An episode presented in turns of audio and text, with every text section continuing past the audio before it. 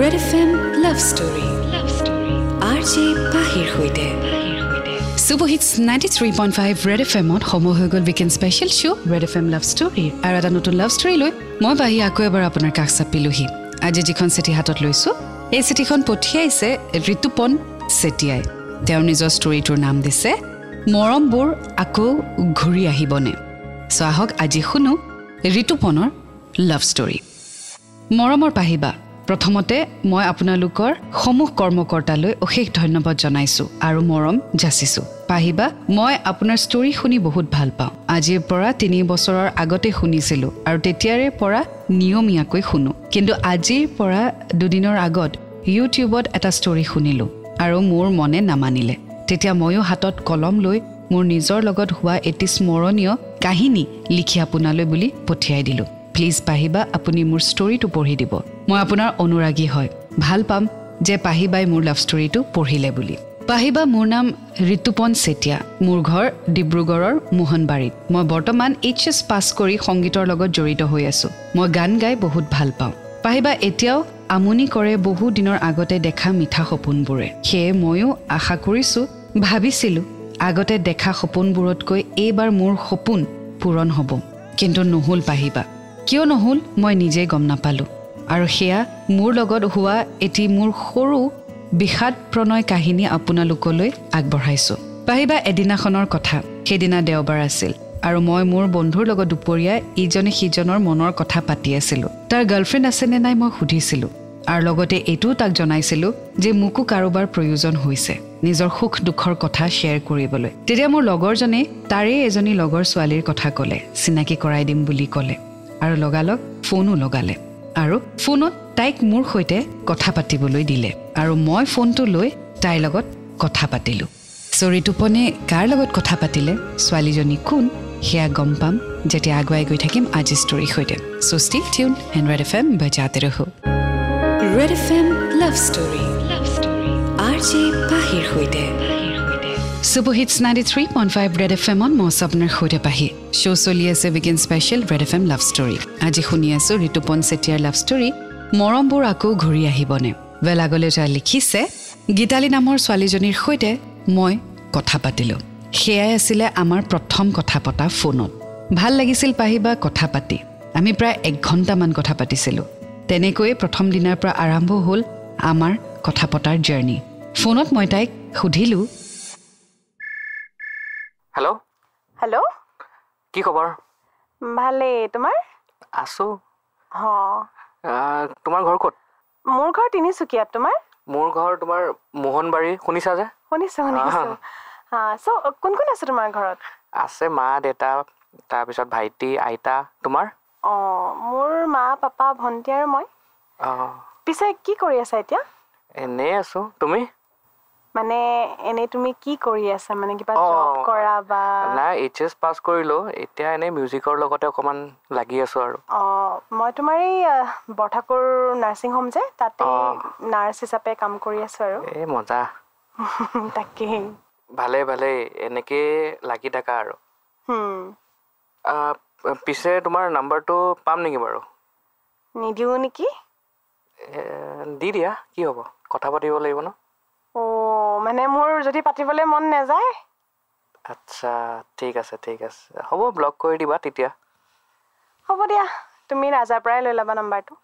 অঁ thank U ঠিক আছে দিয়া বাই। বাই। নম্বৰটো পোৱাৰ পাছত পাহিবা মনত বহুত আনন্দ পাইছিলোঁ। আৰু ফোনত কথা পাতোঁতে পাতোঁতে কেনেকৈনো আমি বহু আপোন হৈ পৰিলোঁ গমেই নাপালোঁ। সদায় ফোনত কথা পাতিবলৈ ল'লোঁ। তেনেকৈ চাৰিদিনমান পাৰ হৈ গ'ল। চ' গীতালী নামৰ ছোৱালীজনীৰ সৈতে এটা ফ্ৰেণ্ডশ্বিপ গঢ়ি উঠিলে। এতিয়া আগলৈ কি হয় জানিবলৈ শুনি থাকক আজি ষ্টৰিটি এণ্ড ৰেড এফ এম বজাতে ৰহো। Red F M love story love story R J পাহিৰ সৈতে। শ্ব' চলি আছে weekend special red F M love story মই আছোঁ আপোনাৰ সৈতে পাহি। আজি আমি শুনি আছোঁ ঋতুপন চেতিয়াৰ লাভ ষ্টৰী মৰমবোৰ আকৌ ঘূৰি আহিবনে? আগলৈ তেওঁ লিখিছে এদিন দুপৰীয়া আঢ়ৈমান বজাত তাইক মই ফোন কৰিলোঁ। হেল্ল' কি কৰিছা? এই অফিচতে আছোঁ মানে ওলাম আৰু ওলোৱা নাই কোৱা? নাই ফ্ৰী থাকিলে ক'বা কথা এটা আছিলে। ফ্ৰীয়ে আছোঁ ক'ব পাৰা কোৱা? কি খালা? কি খালোঁ? তুমি সেইটো সুধিবলৈ ফোন কৰিছা? কথাটো কোৱা আকৌ। নাই ওচৰত কোনোবা আছে নেকি চোৱা মা- উফ ৰাম নাই কোৱা। মানে ইমান দিনে যে আমি কথা পাতি আছোঁ। হা পাতি আছো। ডেইলি পাতোঁ। পাতো। মই তোমাক ভাল পাই পেলাইছোঁ। হেল্ল' হেল্ল' হেল্ল' আছানে? আম, আছো আছো কোৱা?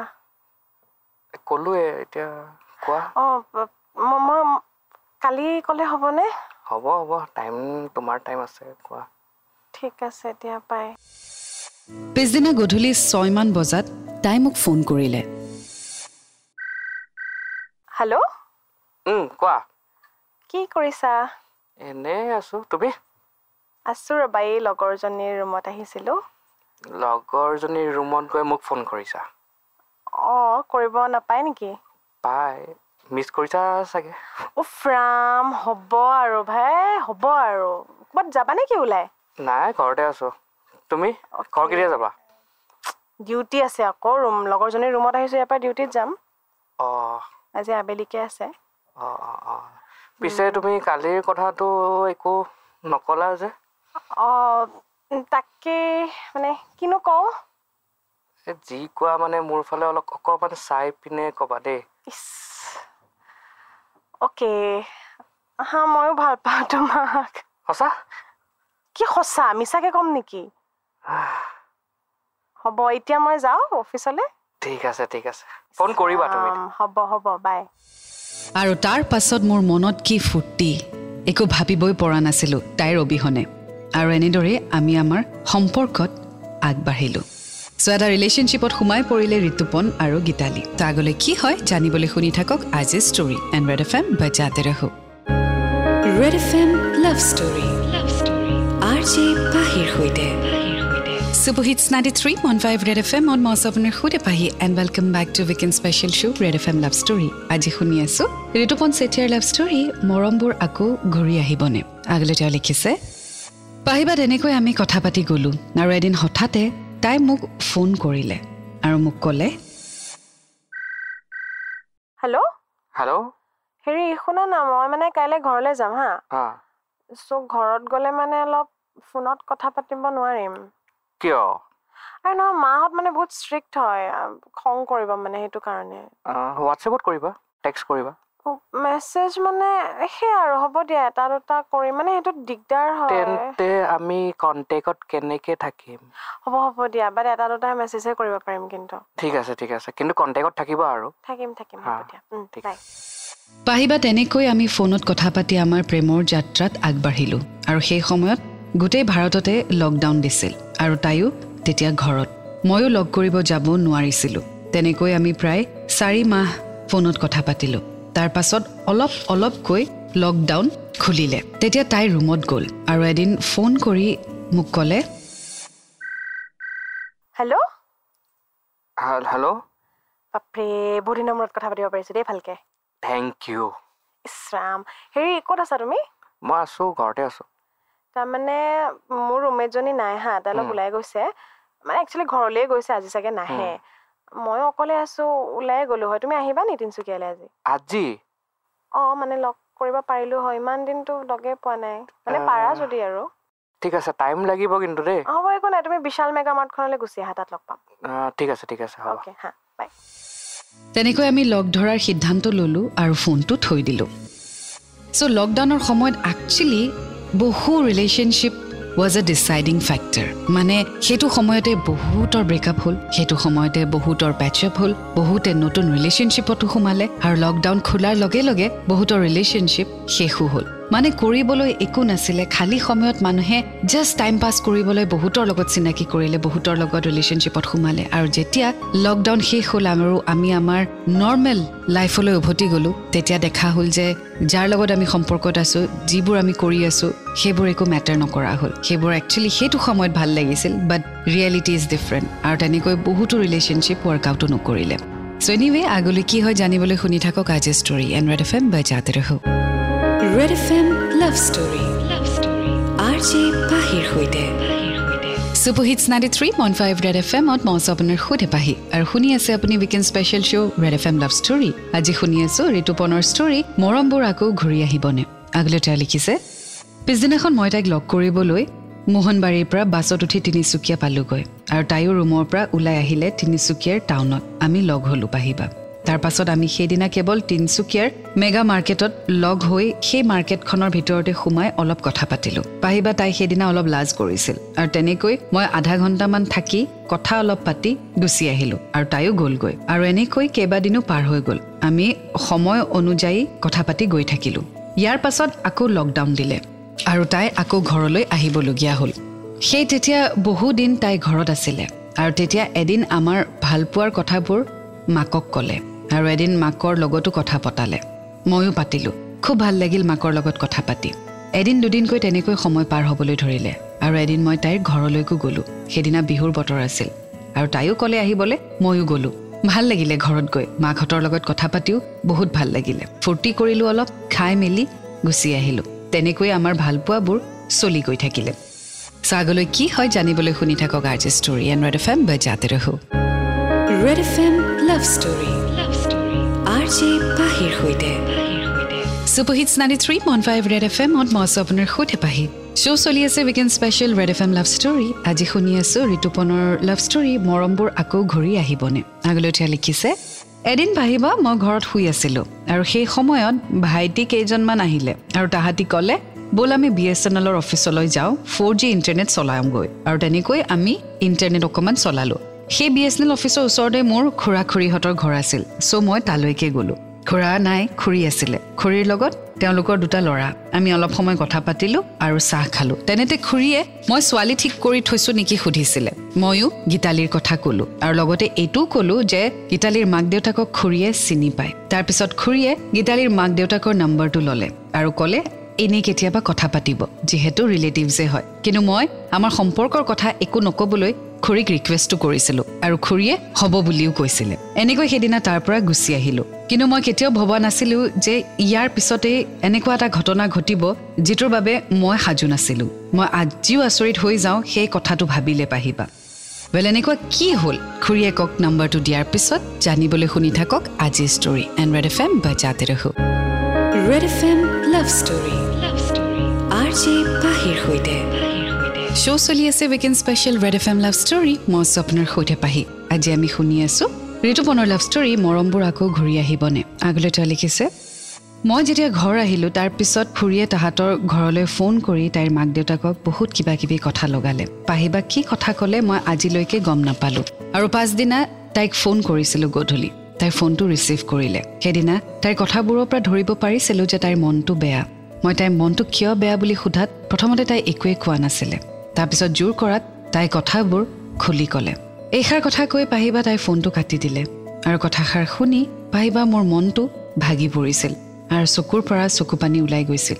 আৰু তেতিয়া মই নিজকে মৰি যোৱা যেন অনুভৱ কৰিছিলোঁ আৰু সেইদিনাৰ পৰাই কেইদিনমান মই ভাত পানী নোখোৱাকৈ আছিলোঁ। পাহিবা মই তেনেকৈ কেইবাদিনো থাকিলোঁ। কেইদিনমানৰ পাছত আকৌ আমাৰ ৰিলেশ্যনশ্বিপটো ভাল হ'ল। আৰু তাৰ পাছত তাইক ক'লোঁ যে আমি আমাৰ সম্পৰ্কৰ কথা কাকো নজনাওঁ। আমি মনে মনে এই ৰিলেশ্যনশ্বিপটো চলাই থাকিম। আৰু তেনেকৈ আমি আমাৰ ৰিলেশ্যনশ্বিপত আকৌ আহিলোঁ। তেনেকৈ ছমাহমান পাৰ হ'ল। আমি ফোনত কথা পাতোঁ। আৰু যদি তাই ঘৰলৈ যায় তেতিয়া আমি মেছেজত কথা পাতোঁ।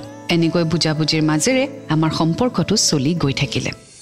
চ' আগুৱাই গৈ থাকিম আজি ষ্টৰীৰ সৈতে এণ্ড ৰেড এফ এম বাজাতে ৰহো red F M love story love story R J পাহিৰ সৈতে শ্ব' চলি আছে weekend special red F M love story মই আছোঁ আপোনাৰ সৈতে পাহি আজি শুনি আছোঁ ঋতুপনৰ লাভ ষ্টৰী মৰমবোৰ আকৌ ঘূৰি আহিবনে? আগলৈ তেওঁ লিখিছে পিছদিনা তাইৰ ফোনটো মাকে লৈ আছিলে আৰু সেইটো সময়তেই মই মেছেজ এটা কৰি পালোঁ আৰু তাইৰ মাকে মেছেজটো দেখা পালে। আৰু তাৰপিছতে তাইৰ মাকে তাইক বহুত গালি পাৰিলে। পিছদিনাখন ৰুমলৈ তাই ঘূৰি গ'ল। গৈ পাই তাই মোক ফোন কৰিলে। হেল্ল' ঐ কোৱা। কি কৰিছা? এনে আছো। কি হ'ল? এই মায়ে দেখিলে আকৌ তোমাৰ মেছেজটো। কোনটো, এই message টো যে recent টো? কৰিছিলা। কি কোৱা? কিবা ক'লে? ক'লে মানে কি আৰু কিমান বেয়াকে কৈছে ন ইমান গালি পাৰিছে। মই নোৱাৰো আৰু মোৰ ভাগৰ লাগিছে মানে। কিমান যুঁজিম আৰু একেটা কথাতে নোৱাৰো আৰু। কি নোৱাৰো মানে? সদায় গালি মই খাই থাকিব লাগে। তোমাৰ প্ৰতি ইমান নিগেটিভ তোমাৰ নিজৰ খুৰীয়ে সেইবিলাক কৰিলে ইমান বেয়া বেয়াকে ক'লে মাহঁতে তোমাৰ নামে শুনিব নোখোজে। মই কিমান যুঁজিম আৰু? খুৰীয়ে মোৰ কথা লগালে। তাতো মই আছোঁ। ময়ে চবফালে লাগি আছোঁ। মোৰ নামেই আহি আছে। এতিয়া মানে তুমি গিভ আপ কৰিব বিচাৰিছা। আৰে মই পাৰা নাই। কিমান যুঁজিম? কোৱাচোন মই মাহঁতৰ লগত কিমান পাৰা নাই মানে? কি? মানে তুমি যাব বিচাৰিছা এইটো কোৱা ডাইৰেক্ট কোৱা। মেবি মই মই নাই পাৰা আৰু মই চোৱা এনেকুৱা নোৱাৰো। চিটুৱেশ্যন আগতো হৈছে ছেইম চিটুৱেশ্যন আৰু এতিয়াও হৈছে কি কৰিবা কোৱা কি কৰিবা আই থিংক মুভ অন কৰোঁ আৰু কাৰণ একেটা বস্তুতে ইমান যদি লাগি আছে কিন্তু তুমি নিজেই কোৱাচোন মই কি কৰোঁ মানে ঘৰখনত থাকিব পৰা অৱস্থা নোহোৱা হৈ গৈছে ইমান মানে বাপৰে বা ঠিক আছে ঠিক আছে তুমি তুমি যি ভাল দেখা তাকেই কৰা তুমি যাব বিচাৰিছা যোৱা কিন্তু মনত ৰাখিবা তুমি যেতিয়া ঘূৰি আহিবা ন মই ইয়াতে থাকিম।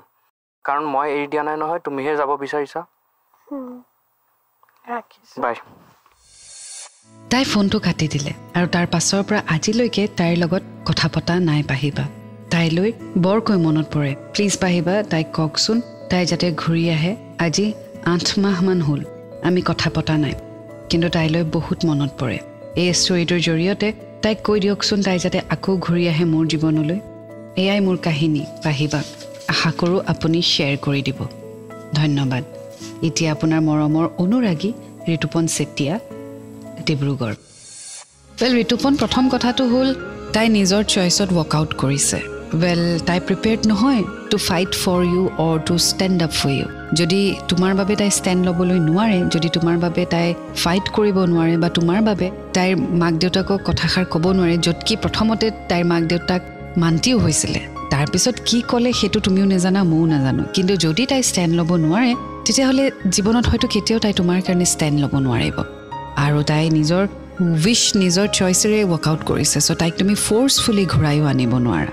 So' I will suggest this only যে you have to move on in life because তুমিও এইটোৱে বিচাৰিবা ন যাতে তোমাক সন্মান কৰে তোমাৰ মৰমক সন্মান কৰে।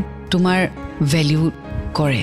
আৰু এই সম্পৰ্কত তোমাৰ মৰমৰ তোমাৰ সন্মান বা তোমাৰ ভেলিউ তাইৰ হয়তো চকুত নাই। আৰু সেইটো কাৰণে তাই ইমান ইজিলি ৱৰ্কআউট কৰিছে without even fighting so' I hope you know what to do and I wish you all the best well এয়া আছিলে আজিৰ ষ্টৰী মৰমবোৰ আকৌ ঘূৰি আহিবনে।